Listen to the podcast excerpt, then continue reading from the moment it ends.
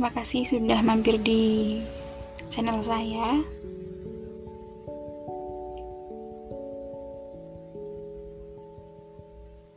Sebenarnya channel ini dibuat untuk mengungkapkan, mengutarakan, mengatakan apa yang sering banget berputar di kepala, terutama ingatan-ingatan masa lalu, entah yang buat aku senang atau buat aku sedih. Aneh ya? Padahal ingatannya buat sedih, tapi kok inget terus. Kalian gitu nggak?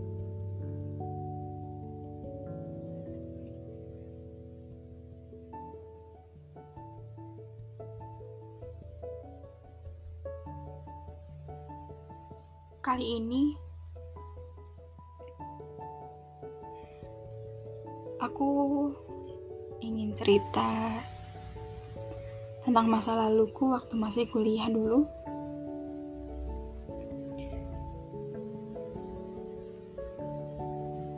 Jadi, aku masuk ke kampus negeri melalui jalur SNPTN atau rapot yang sejujurnya aku pun nggak nyangka. Karena aku nggak merasa terlalu pintar. Dan aku juga nggak merasa aku anak yang baik yang menyimpan banyak keberuntungan. Karena untuk sekedar undian saja saya sering nggak beruntung. Di saat teman-teman dapat hadiah ciki yang digosok itu loh yang pakai koin tapi aku selalu dapat tulisan. Coba lagi. Seperti manusia pada umumnya aku merasa aku biasa aja dari segi tampilan dari segi kecerdasan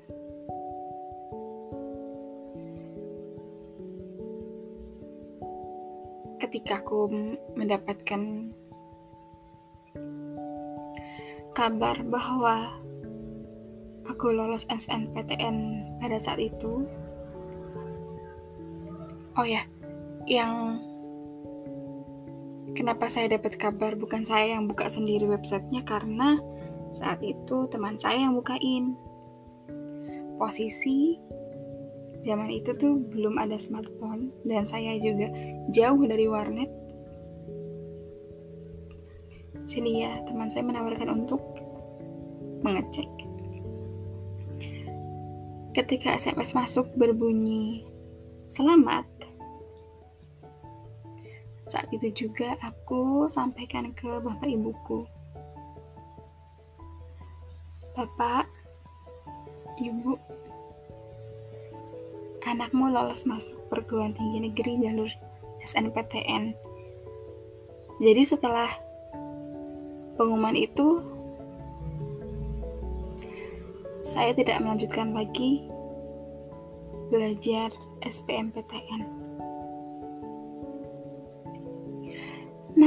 Namun,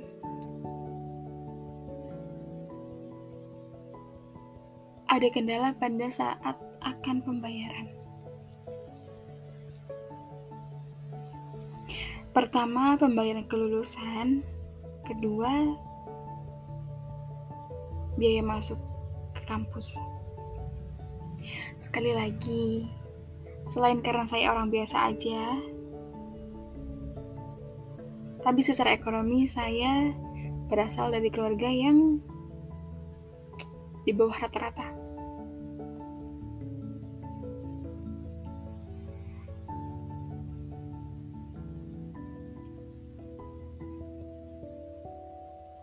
Saat itu, jujur aku kalut.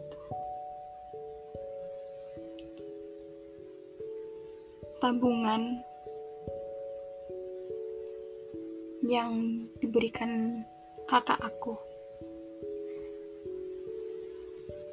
habis untuk membayar biaya kelulusan dari SPP yang macet, biaya lain-lain, intinya untuk mengambil ijazah, uangnya habis.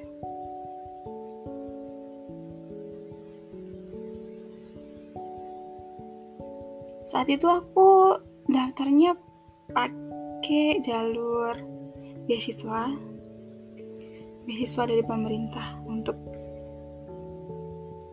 masyarakat yang kurang mampu secara ekonomi. Namun sayangnya ketika jadwal registrasi muncul, nominal yang saya dapat belum nol. Saat itu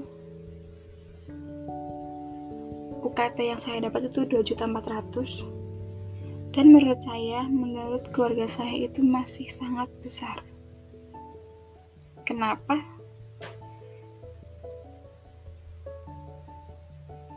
Ya, karena memang tidak mampu untuk menyediakan uang sebanyak itu dalam waktu sesingkat itu.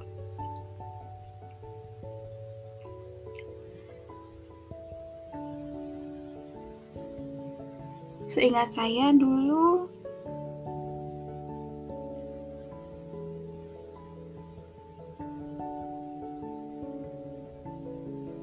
Ah, maaf, aku baru sadar.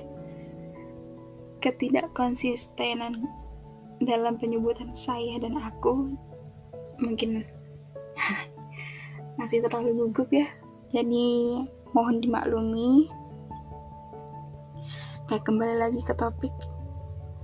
Jadi pada saat menerima info di website kalau UKT yang saya dapatkan belum 0 rupiah, saya kalang kabut.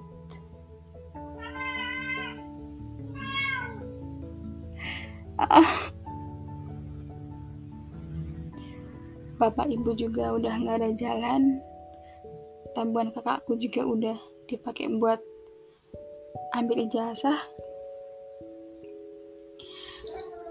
Saya menghubungi beberapa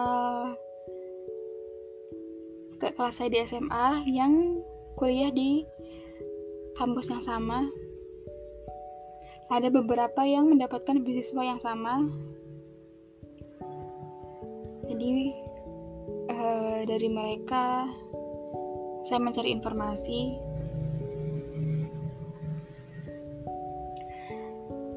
Gimana ya caranya biar saya bisa nol aja langsung gitu kan? Kemudian kakak kelas saya menghubungkan saya kepada beberapa pengurus advokasi yang menjembatani mahasiswa ke bagian akademik, bagian rektorat, direktorat keuangan saat itu. Saya mendapatkan, mendapatkan update bahwa disuruh menunggu dan cek berkala. Jelas, setiap hari saya cek.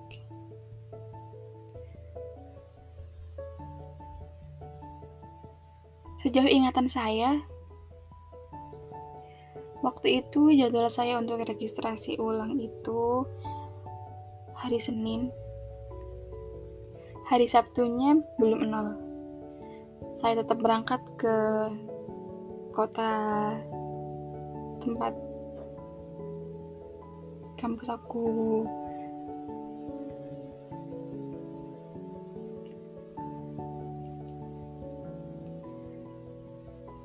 dengan harapan akan ada keajaiban di hari Minggu gitu.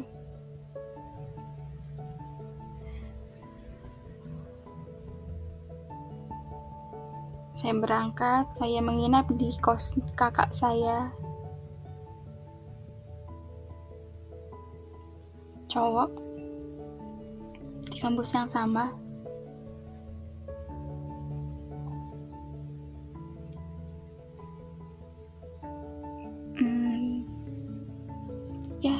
Kemudian hari Senin malam Seninnya aku cek, alhamdulillahnya sudah nol.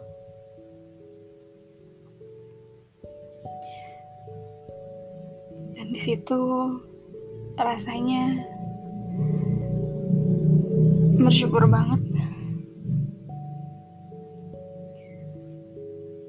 Keajaiban masih ada.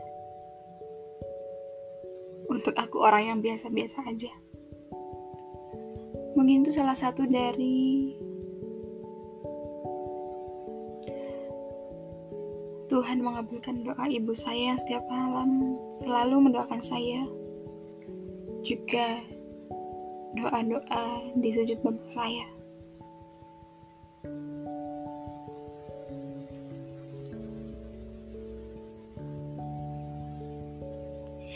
Dan ada hal lucu lagi.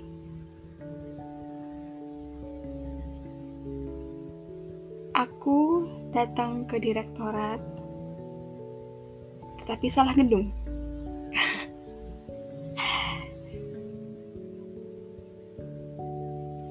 Saya bertanya ke salah satu hmm, saat itu dia memakai seragam SMA karena abu-abu putih Bertanyalah saya, Kak, tahu gedung ini nggak? Saya sebutkan alamatnya, tujuan saya. Kemudian dia bilang, oh ini gedungnya depan kak. Gitu. Karena dia berbaik hati, dia mengantarkan saya ke gedung yang depan. Karena kalau jalan kaki lumayan ya, mungkin sekitar 15 menitan kebetulan di antara di kampus itu tuh ada fasilitas sepeda kampus yang bisa dipakai oleh pegawai, dosen, mahasiswa. Nah, kemudian dia uh, mengantarkan saya menggunakan sepeda ke gedung direktorat yang depan. Saya sampai di sana, saya mengucapkan terima kasih Kemudian saya duduk di antara banyak sekali calon mahasiswa yang diantar oleh keluarganya. Sementara saya, saya datang sendiri, duduk di antara mereka yang berpakaian rapih, mewah, wangi, sementara saya pakai baju seadanya, pakai jaket dan pakai celana. Kenapa kakak saya tidak mengatakan saya? Karena dia ada urusan dan sebelumnya dia sudah memberikan uh, denah atau jalan menuju gedung yang tempat saya registrasi. Mungkin karena saya masih anak baru, jadi saya nyasar ke gedung yang satunya.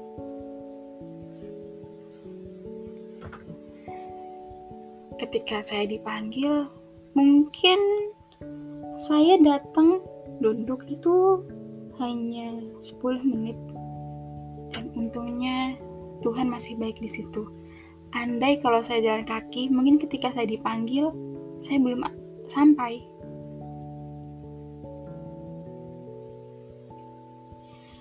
Saya dipanggil, saya maju, kemudian saya antri menunjukkan beberapa file-file yang harus diserahkan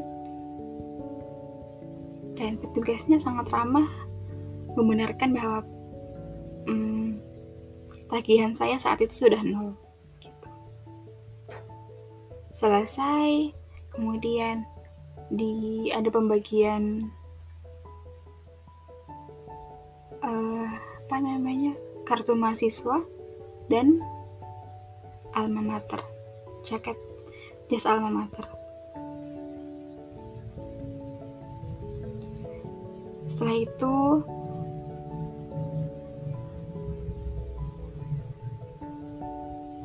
aku langsung pulang ke rumah. Tanpa balik lagi ke kosnya kakakku karena memang niatnya hari sore itu saya langsung pulang. Dari registrasi ke proses ospek itu masih cukup lama karena tes SBMPTN saat itu belum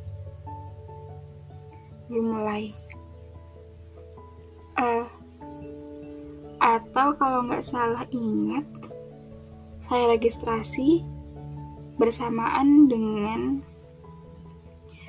tes SBMPTN. Ah, iya betul. Bersamaan dengan proses tes SBMPTN. Jadi masa tunggunya masih lama sehingga saya pulang dulu.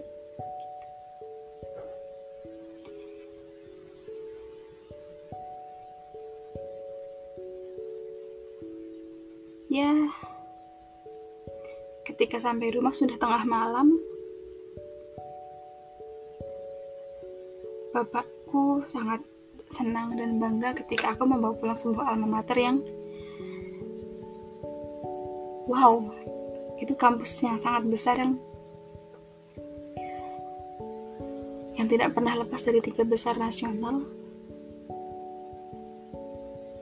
Aku terharu karena melihat orang tuaku bangga akhirnya aku mendapatkan momen itu.